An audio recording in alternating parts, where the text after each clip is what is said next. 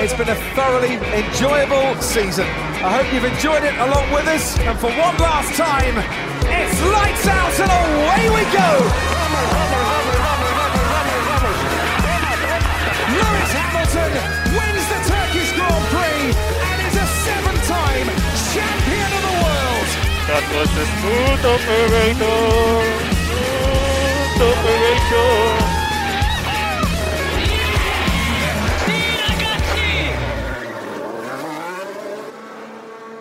Herkese merhaba. Podstop Podcast'in bu bölümünde Deniz ve ben Burak sizlerle birlikte Fransa Grand Prix'sini değerlendireceğiz. Deniz selam. Paul Ricard pisti görsel olarak çok e, birçoklarını yoran, e, o kadar keyifli olacağı düşünülmeyen bir pistti.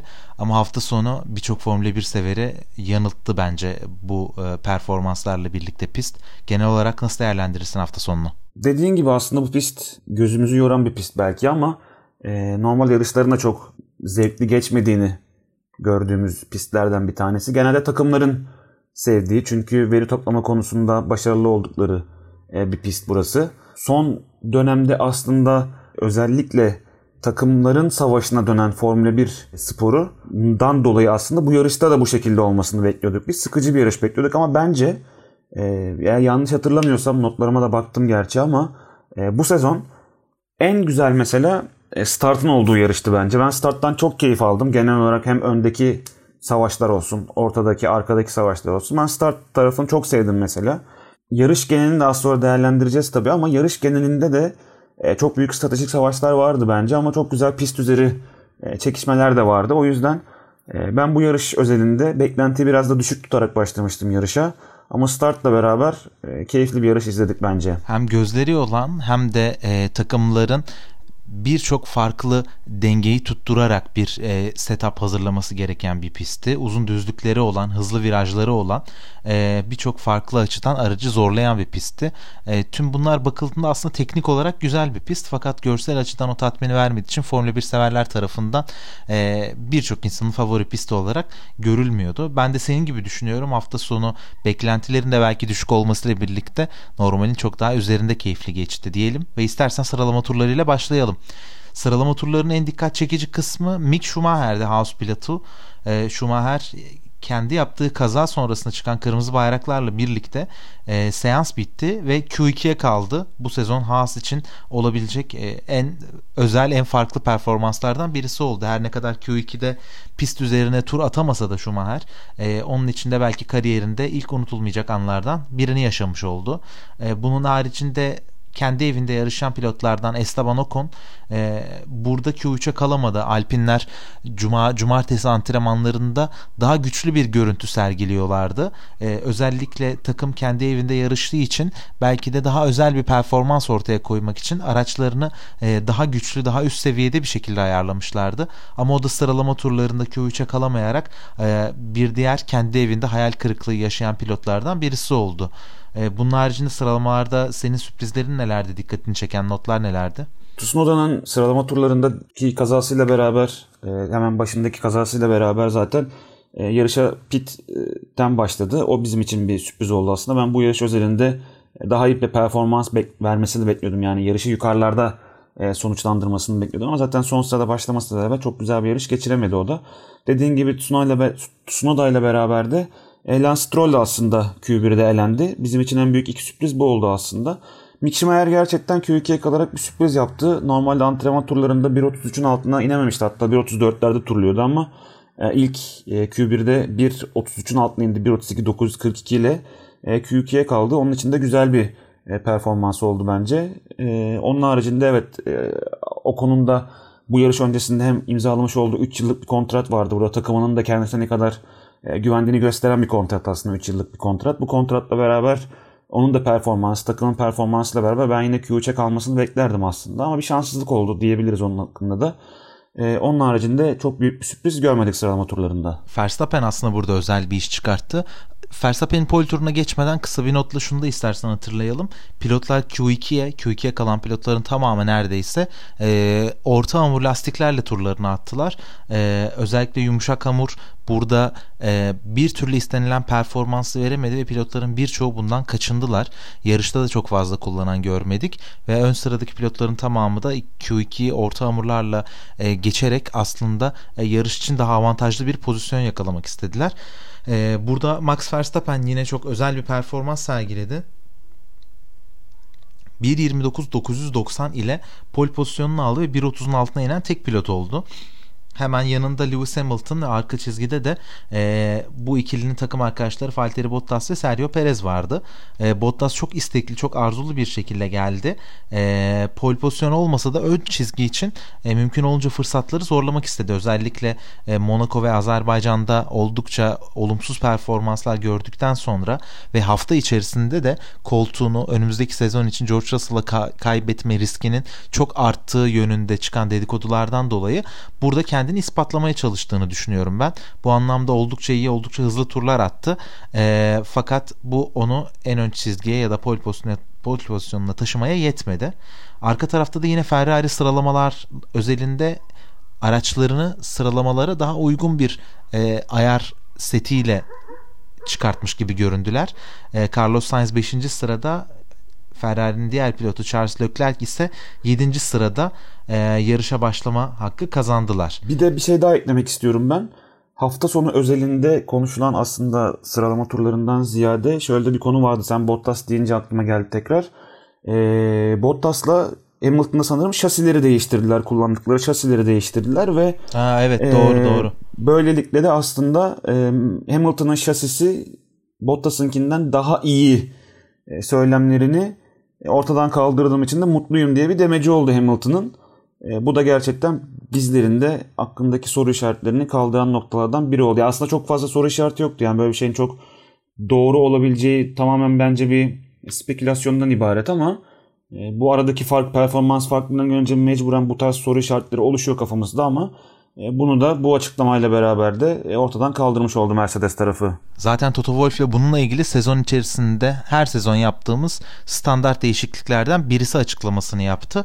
Ee, ama bence iki pilot da sergilemiş oldukları performanstan dolayı e, hem kendilerini hem de takımı ters bir durumda bırakmadıkları için memnun olduklarını düşünüyorum. E, fakat dikkat çekilmesi gereken ufak bir konu var. E, Bottas'ın şasisi e, Hamilton'ın şasisinden de ne göre daha yeni bir şasiydi. Yani yanlış hatırlamıyorsam Hamilton e, bu şasiyle 4. ya da 5. yarışına çıktı. Bottas ise 6 ya da 7. yarışına çıkmış olması gerekiyor. E, dolayısıyla bu anlamda Lewis Hamilton e, farklı bir tasarımla yarışıyor olsa da daha yeni, daha taze bir şasiyle e, tüm hafta sonunu geçirmiş oldu diyelim. Ve istersen yarışa geçelim. E, yarışa bu sefer hafta sonunun kazananı, e, yarışın kazananı ve stratejik anlamda oldukça iyi bir performans sergileyen Red Bull'la başlamak e, çok daha doğru olacaktır diye düşünüyorum. Yarış esnasında da seninle çok sohbet ettik, konuştuk. E, bu anlamda Red Bull'un bu hafta sonunu ve özellikle pazar gününü e, nasıl değerlendirirsin? Konuşulacak birçok şey var ama aradan birkaç tane seçelim onlarla başlayalım. Şöyle değerlendirelim istersen. E, Red Bull'u takım olarak bir tarafa alalım ve pilotlar olarak bir tarafa alalım. Bence e, Verstappen'in ve e, Perez'in en iyi sürüşleri değildi. Yani e, onların daha iyi e, sürüşler yaptığını bence daha önce izledik. Ama e, takım olarak ve bu yarışa hazırlık olarak bence e, Red Bull tarafı e, çok başarılı işler yaptılar. Yarış öncesinde sıralama turları sonrasında e, Christian Horner'ın vermiş olduğu e, burada geçiyorsak her pistte geçeriz demeci. Zaten e, performans olarak Mercedes'ten daha üst olmaları ve bu yarış üzerinde vermiş oldukları kararlarla bence Red Bull bu haftayı tamamen e, çok başarılı bir şekilde geçti. Dediğim gibi yani pilotlar daha iyi performans verdikleri haftalar vardı ama e, ikisi de aslında bence olması gerektiği gibi kullandı e, araçlarını. Hep geçen seneden beri konuştuğumuz Red Bull'un ikinci pilot tam bekledikleri ve bu pilotun bekleneni vermesi durumunda neler yapabileceğini Red Bull'un hep zaten konuşuyorduk. Herkes konuşuyor bunu zaten. artık son yarışlarda özellikle bunu görmeye başladık Sergio Perez'den ve bu olduğunda takımın ne kadar başarılı olduğunu görmeye başladık. E, Verstappen'in de yapması gereken Mercedes'e göre daha iyi lastik ısıtma avantajını ellerinde tutarak doğru bir sürüşte yarışı kazanmaktı. E, az sonra tabii Mercedes'i de konuşuyor olacağız ama e, hep biz aslında Mercedes'in attığı zarlardan konuşuyorduk. E, bu sefer zarları Red Bull çok güzel bir şekilde attı ve e, yarışı kazanmayı da bildiler. E, yani çok ufak birkaç hatası vardı tabii Verstappen'in. Startta özellikle ilk virajı kaçırması sonucunda hani yarış bir tık daha kızışacak demiştik. E, neler göreceğiz demiştik. Ama yapmış oldukları stratejilerle gerçekten e, pist üzerinde olmadan ilk e, stintte e, şeyden geçtiler. Daha sonra ikinci pitlerle beraber pist üstü pozisyonunu Mercedes'e bırakıp Hamilton'a bırakıp e, yakalayacaklarını düşünüp bunu gerçekleştirdiler. Tabii konuşulacak detay anlamında çok fazla konu var. Özellikle e, Perez'in yol vermesi, Bottas'ın çok direnememesi vesaire gibi ama hem takım özelinde hem pilotlar özelinde doğru işler yaptılar. Takım çok daha güzel işler yaptı ve e, hak ettikleri çok güzel bir e, zafer elde ettiler iki tane Avusturya öncesi bence çok çok çok ciddi bir avantajı ellerinde tutuyorlar şu anda. Aslında çok güzel ayırdın. Hem takımı hem pilotları ayrı ayrı değerlendirme, değerlendirmek daha doğru olur diye. Ben de takımı değerlendirdiğim zaman şunu düşünüyorum. Hata yapılması gereken noktalarda bu sefer yapmadılar ya da şansları yaver gitti. Yani örnek veriyorum böyle bir yarışta pit stopta yaşanabilecek ufak bir hata birden her şeyi berbat edebilirdi. Ki Red Bull bunu daha önce e, her ne kadar pit stoplarda çok daha tecrübeli olmalarına rağmen e, yaşadılar. Yani Azerbaycan'da Perez 4,5 saniye pit stop yaptı. E, ya da başka yerlerde de bunun gibi durumla karşılaştık. Bu sefer o, o konuda şansları yaver gitti ve iyi hazırlanmışlardı. Bunu başarılı bir şekilde sergilediler. E, strateji uygulama konusunda yani Verstappen ikinci kez pite çağırma konusunda strateji ekibi bunu düşünebilirdi. Bunu uygulamak da isteyebilirdi. Fakat o kadar doğru bir turda o kadar doğru bir şekilde e, Verstappen'i çağırdılar ki e, Hamilton'ın herhangi bir şekilde undercut yapabilmesinin önünü de kestiler. Normalde böyle planları olabilir ve bunu doğru zamanda yapamayıp e, terste kalan taraf olabilirlerdi. Bu sefer strateji ekibi de bunu çok iyi başardı. E,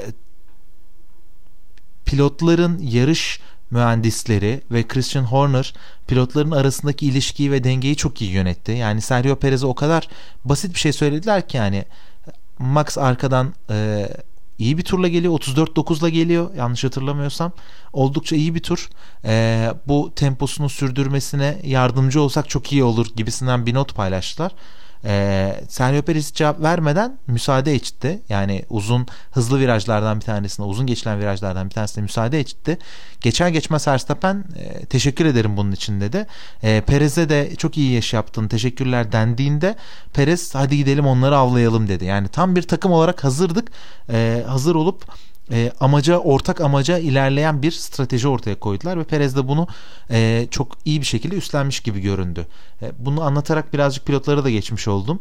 E, senin söylediğin gibi bir takımın ikinci pilotu olmak sadece birinci pilotun önüne yol vermek, ona yol açmak değil, e, takım için gerekli olan puanları alabilmek için de e, elinden gelenin maksimumunu uygulamak anlamına geliyor. Perez bugün uzun süre 4. sırada takip etti. Bottas'ın bir hatasından dolayı bir ara 6-7 saniyeye çıkan fark sonra tekrardan 3 saniyeye düştü. Fakat öyle bir noktada kendini konumlandırdı ki belki birazcık temposunu arttırsa Bottas'a daha yaklaşabilirdi. Ona zor anlar yaşatabilirdi. Fakat bulunduğu yeri koruması gerektiğini çok iyi biliyordu. Takım olarak strateji anlamında kendilerini ön plana çıkartabilmek için ve bunu çok iyi başardı.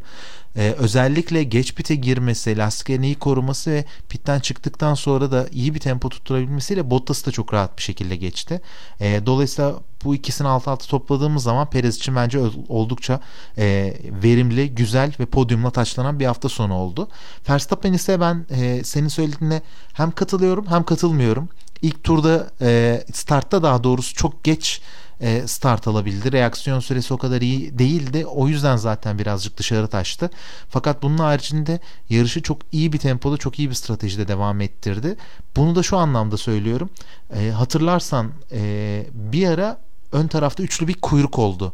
E, Verstappen, Hamilton, Bottas e, neredeyse 1.1-1.2 saniye içerisinde birbirlerini takip ediyorlardı ama yaklaşık 10 tur boyunca Hamilton 1 saniye civarında Verstappen'i takip etti. Yani bu zaten Hamilton'ın alamet farikalarından bir tanesi ve kim olursanız olun yani bu sporda arkanızda Lewis Hamilton varken ya da 7 kez dünya şampiyonu olmuş birisi varken ve sizi 10 tur boyunca 1 saniye içerisinde takip ediyorsa e, bunu yönetmek hem psikolojik anlamda hem sürüş anlamında çok kolay değil. Bu hataya çok zorlayıcı bir faktör. Ekstra bir baskı yaratan bir faktör. E, buna rağmen hatasız ilerleyip stratejiye e, bağlı kalıp ve bunun sonucunu alması bence çok özeldi. E, geçiş yaptığı noktaya da çok ufak değinmek gerekirse e, orta lastiklere geldikten sonra İlk başladığı turlarda tur başına 2,5 saniye 2.3 saniye almaya başladı. Sonra tur başına aldığı saniyeler Hamilton'dan e, iyice azalmaya başladı. Hatta bir ara 0.4 saniyeye kadar düştü. Acaba dedik ki lastikleri mi bitiyor sıkıntı mı yaşayacak diye. Ama Verstappen bu sefer daha akıllıca davrandı. Lastiklerini çok iyi korudu. E, ve son iki tura gelindiğinde e, tam da orada geçiş yapabileceği hamleye e, ellerinde koruduğu lastiklerle gelmiş oldu ve bu geçişi daha kolay bir şekilde yaptı. Daha önce Bahreyn'de bunu yapamadığı için e, sıkıntı yaşamıştı. Bu sefer ondan da ders almış bir şekilde gördük. Yani tüm bunları alt alta koyduğumuz zaman Verstappen'in performansı, e, Red Bull'un performansı, Perez'in performansı e, bu hafta sonu için gerçekten oldukça özeldi ve Mercedes'e de e, son iki haftadır e, verilen sinyallerin üstüne e, oldukça etkili bir yumruk attılar diye düşünüyorum bundan sonraki iki Avusturya ve sonrasında devam edecek yarışlar öncesinde e, sana katılıyorum. Hem büyük avantaj elde ettiler ve hem artık psikolojik üstünlüğü de ele aldılar. Bundan sonra artık top Mercedes'te, hamle sırası Mercedes'te. Onların bir şeyleri değiştirip e, farklı bir noktaya geçirmeleri lazım bu e, rekabeti, bu yarışı. Aksi takdirde Red Bull bu sezon e, hem mental açıdan hem performans açıdan e, çok daha iyi, çok daha hazırlıklı gibi görünüyor. Ee, Sergio Perez ile ilgili söylediklerine katılıyorum. Şöyle bir ek yapmak istiyorum.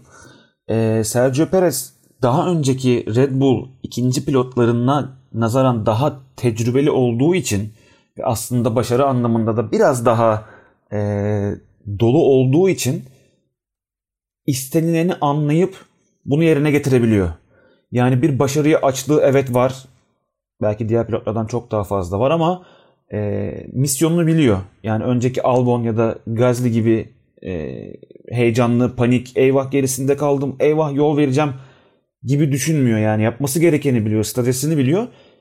Önüne fırsat çıktığında da fırsatları değerlendirip zaten ondan istedikleri e, yerlere çok güzel geliyor. O yüzden kesinlikle e, Perez Red Bull tarafında e, müthiş bir e, ikinci pilot seçimi oldu. Gerçekten bu konuda da Red Bull'u ta, e, tebrik etmek lazım.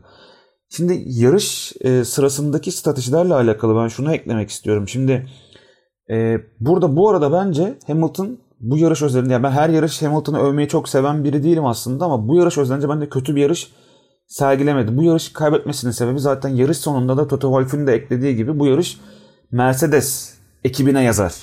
Yani burada yapmış oldukları pit stratejisindeki hata hata ne kadar doğru bir kelime bilmiyorum ama pit stratejisini bir kenara bırakırsak bir kere zaten lastik ısıtamama problemiyle alakalı bu yarışı kaybettiler bence. Çünkü neden?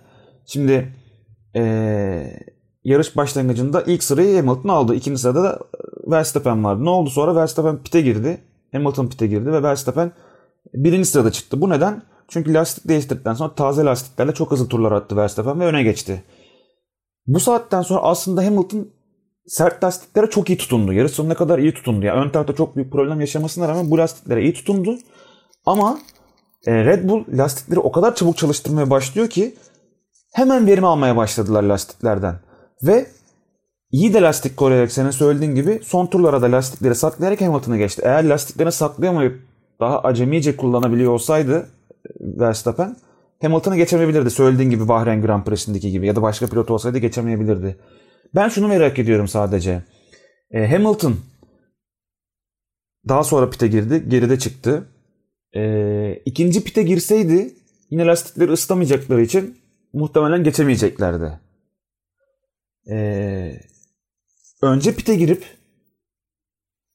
tekrar Verstappen'in sonra pite girmesini bekleyip e, Verstappen önde çıktıktan sonra arkadan yakalamaya çalışsa yakalayabilir miydi?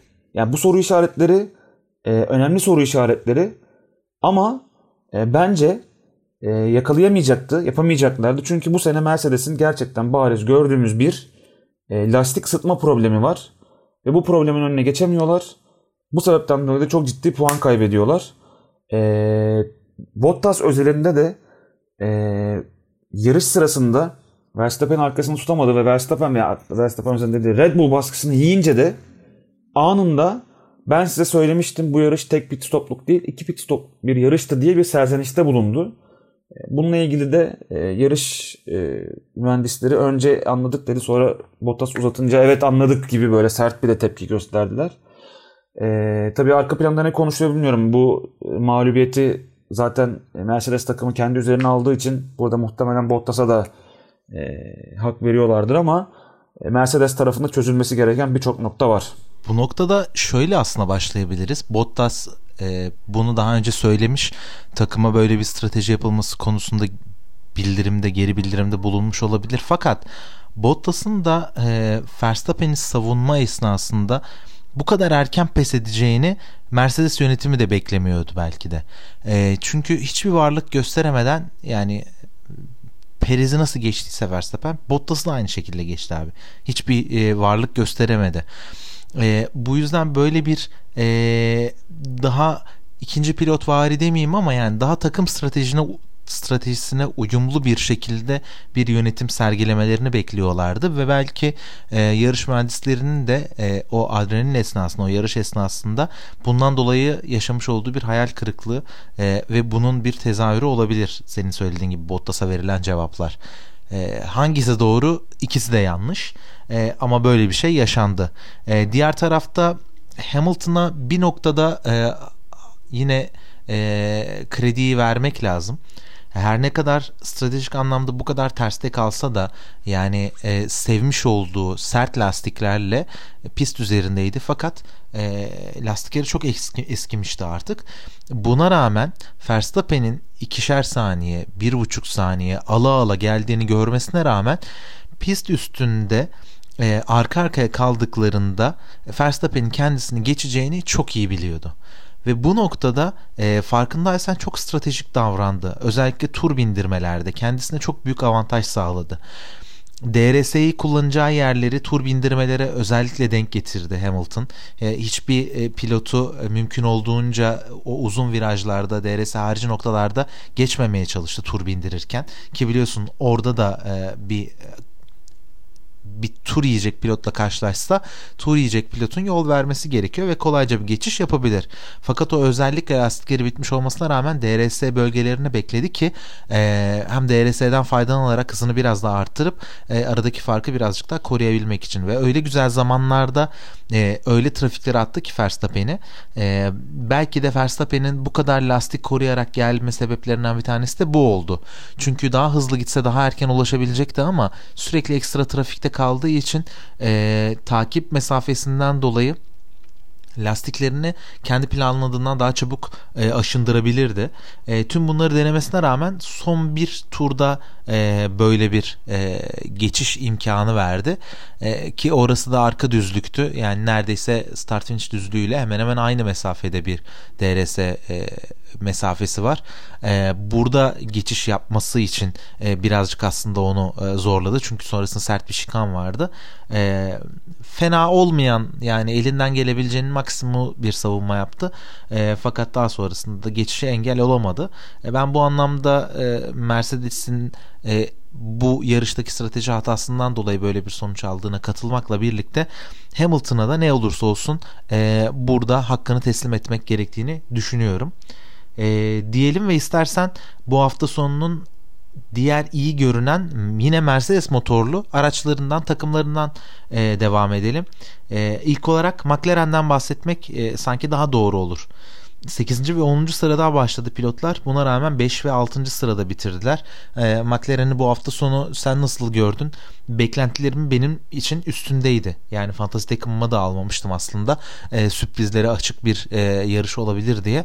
E, ama sanki motor gücünün önemli olduğu noktaları çok iyi bir şekilde avantajı çevirmiş gibi görünüyorlardı. Evet özellikle Norris'in zaten bu seneki performansı çok yüksek. Yani her yarıştan puan almayı başarıyor ve güzel de pozisyonlarda bitiriyor. Sanırım her yarıştan puan alan tek pilot olarak kaldı şu anda. Ee, Ricardo tarafında e, bazı soru işaretleri vardı ama bu yarış özelinde o soru işaretleri de aslında kalkmıştı. Yani Ricardo bir yarış iyi bir yarış kötü performans sergiliyor. Bu takımda tam olarak alışamadığı, takımdan beklentilerini tam olarak karşılayamadığı ya takımın beklentilerini karşılayamadığı dan dolayı olabilir diye düşünüyorum. Ama 5. ve 6. bitirmek hem takımlar şampiyonasında topladıkları puanlar için hem, şamp hem pilotların pilotlar şampiyonasında topladıkları puanlar anlamında gerçekten motivasyonlarını üst düzeyde tutacak bir sonuç oldu onlar için. Özellikle yarışa başladıktan sonra sıralamada arka arkaya geldiklerinde Norris pist üstü pozisyonu elde etmeye çalışırken birkaç ufak da hata yaptı aslında ama biraz geri düşmesine rağmen o da e, 24. turda sanırım pite girmişti. E, çıktıktan sonra da e, Alfa Romeo'ları işte Gasly, Leclerc, Sainz ve Ricardo'ya geçerek e, çok da güzel bir pozisyonda yarışı bitirdi. 5. sırada yarışı bitirdi. E, Norris'ten zaten beklediğimiz performanstı. Çok güzel bir performans sergiledi. Ricardo tarafı dediğim gibi bir soru işaretiydi bir yarış özelinde ama o da bu yarış özelinde e, bekleneni verdi ve 6. E, sırada e, gayet güzel bir finish gördü bence. Bir diğer Mercedes motorlu ekip Aston Martin de son haftalardaki yükselen performanslarını bence burada da sürdürdüler. Ee, Sebastian ve Lance Stroll aracı e, ne kadar iyi tanıdıklarını ve bu tanıdıkları araç üzerinde hangi stratejilerle maksimum puanı alabileceklerini e, hem pilotlar hem de takım hem de yarış yöneticileri çözmüşler. Şimdi Mercedes motorundan dolayı motor gücünün önemli olan e, pistlerde neler yapabileceklerini e, biliyorlar ve bu motor gücüne güveniyorlar. Bunun haricinde yine Mercedes karakterine çok uygun, çok benzer bir araçları var. Ee, onlar da lastik hamurları sertleştikçe çok, çok daha iyi performans sergiliyorlar. Özellikle son birkaç yarıştır sert hamura geçtikleri zaman hem lastikleri çok daha iyi koruyorlar. Uzun süre yarış tempoları iyi ilerliyor. Ee, ve bu lastikleri de e, çabuk bir şekilde ısıtıp istedikleri noktaya getirebiliyorlar. Bu anlamda e, Q3'e kalamayan iki pilot da yarışa e, sert lastiklerle başladılar.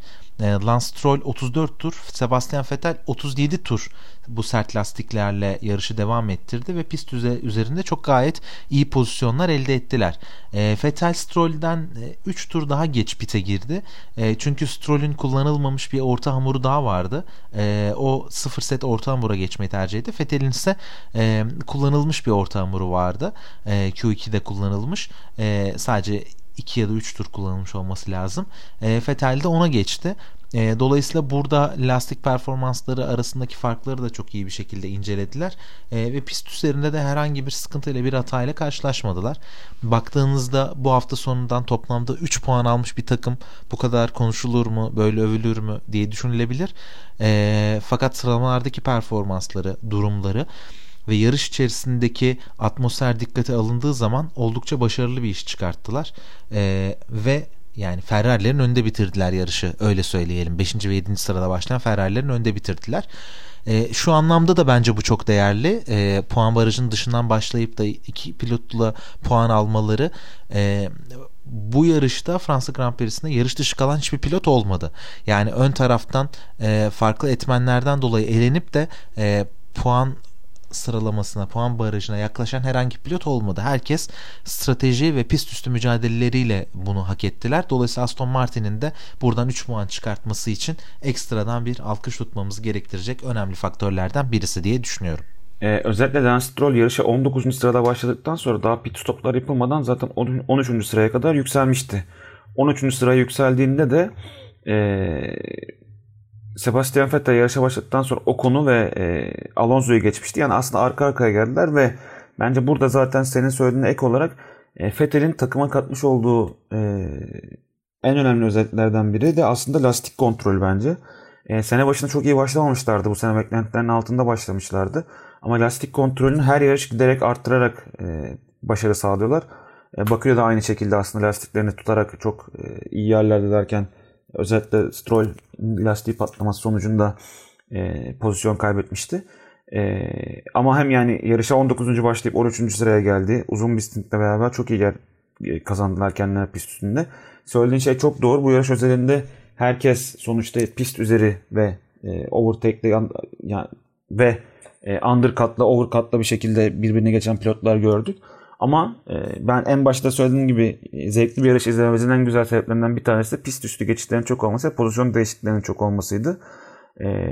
3 e, puan evet bir takım üzerinde az gözüküyor olabilir ama geriden başlayan bir takım için ve pist üstü geçişler yapan bir takım için bence güzel bir sonuç. Mercedes motoru kullanan son takıma ve son aslında pilota birazcık değinelim istersen. George Russell bu hafta sonu o da çok iyi bir performans sergiledi ve yarışı 12. sırada bitirdi. Yine az önce bahsettiğimiz e, konudan dolayı, sebepten dolayı e, eğer birkaç pilot e, burada yarış dışı kalsaydı kendisini e, o çok beklediği, çok istediği puana ulaştırabilecek bir performans gösterebilirdi ve Williams'la e, pist üstünde Tsunoda'yı geçip kendi evinde yarışan Ocon'u geçip son zamanlarda iyi performans gösteren Alfa Romeo'ları ve bir Ferrari'yi geçip böyle bir sonuç alabilmesi bence çok özeldi. Önünde Sainz vardı ona çok yetişmesi pek mümkün görünmüyordu ama e, bu hafta sonu o da e, kendisi e, araçın ne kadar iyi performans gösterdiğini yarış bittiğinde ters anonsunda söyledi. E, çok keyif aldığını ve bugüne kadar Williams'ta geçirdiği en iyi yarış ve en iyi hafta sonu olduğunu söyledi. Bu anlamda George Russell da bu hafta sonunun e, değer katan isimlerinden birisiydi diye düşünüyorum. E, bu hafta sonu üzerinde gerçekten George Russell benim beklentilerimin çok üzerinde bir performans sergiledi. E, senin de söylediğin gibi e, pist üstü geçişle son adaya geçti ve kendi yerinde yarışan o konu geçti. E, Alfa Romeo'ların önünde bitirdi, Leclerc'in önünde bitirdi yarışı. Gerçekten çok e, güzel bir hafta sonuydu onun için. E, tabii hafta arasında Mercedes'e geçecek mi geçmeyecek mi yani sırf bu hafta arasında değil birkaç haftadır Mercedes'le ilgili soru işaretleri olması onun da performansını e, yükseltmesi anlamında olumlu olarak etkiliyor ki e, bu performansı pist üzerinde koyabiliyor. Aynı şekilde sıralama turlarında da göstermiş olduğu performans e, sürdürülebilir gösterdiği performans zaten e, birçokları tarafından alkışlanıyor. Son olarak istiyorsan Alpin özelinde, Alonso özelinde konuşup bu hafta sonunu onunla kapatalım. Puan almayı başardı. E, bu yani son dönemde tabi Alpin'in yükselen, düşen, çok stabil olmayan bir performansı söz konusu. Ben bu yarış özelinde o konudan daha iyi bir performans bekliyordum. Hem sözleşme imzalamış olması hem kendi evinde olması. E, fakat e, Fernando Alonso'nun performansı da aslında e, önündeki rakiplere göre geçemeyeceğini beklediğimiz rakipler olmasına bakarsak 8. sıra aslında Alonso için de güzel bir sıra oldu bence. Burada Alonso'ya şu anlamda dikkat çekmek gerekir. Yine o da startta müthiş işler çıkarttı.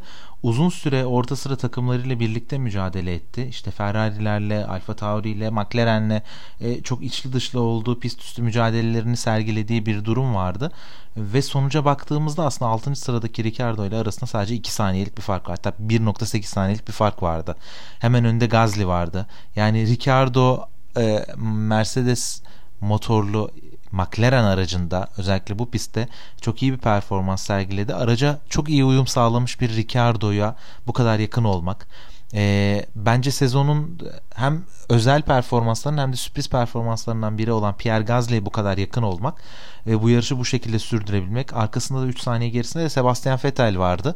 O da e, ona büyük e, sıkıntılar yaratabilecek bir pilottu ki pist üstünde de birkaç kere e, denk geldiler. E, bu noktada olabilmek de Fernando Alonso'nun bence klasıyla da çok alakalıydı. E, bu anlamda kendi evinde yarışan Alpine için puansız dönmektense Alonso'nun bu performansını izlemek oldukça keyif verdi. Umarız o da e, aracın motor gücünü değiştirebileceği bir e, nokta yok fakat pist üstünde daha etkili olabileceği pistlerde e, daha ileri noktalarda daha üst noktalarda görebiliriz ki Alonso e, liderliğe diyelim yani en ön sıralara e, yaklaştıkça izlemesi çok daha keyifli bir pilot haline gelir. Daha önce izlemeyenler varsa en azından onun içinde e, böyle bir spoiler verelim dedik. E, bu hafta sonu senin için günün sürücüsü kimdi? Max Verstappen seçildi ama sen oyunu kimden yana kullanmıştın? Onları da belirleyip istersen bu kaydı burada bitirelim. Ee, yani aslında günün e, sürücüsünden ziyade ben hafta sonu özelinde alkışladığım taraf e, Red Bull takımı oldu bence. Yani ben bir e, ödüllendirilecek bir kişi ya da bir ekip olsaydı ben bu oyumu e, Red Bull tarafında kullanırdım.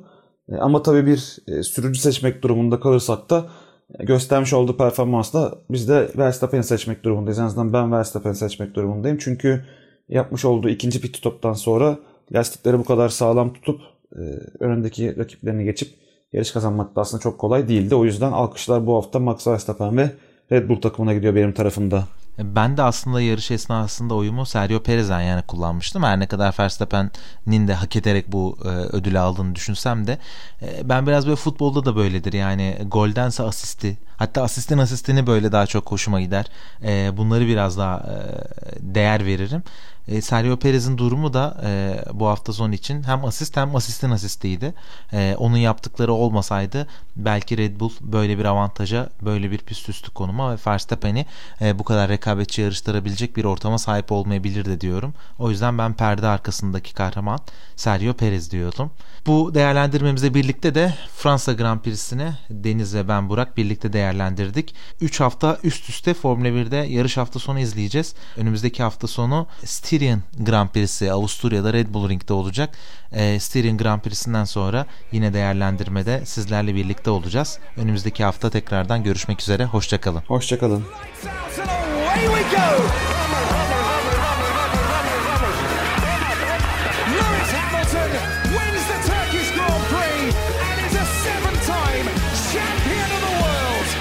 was a smooth operator, smooth operator.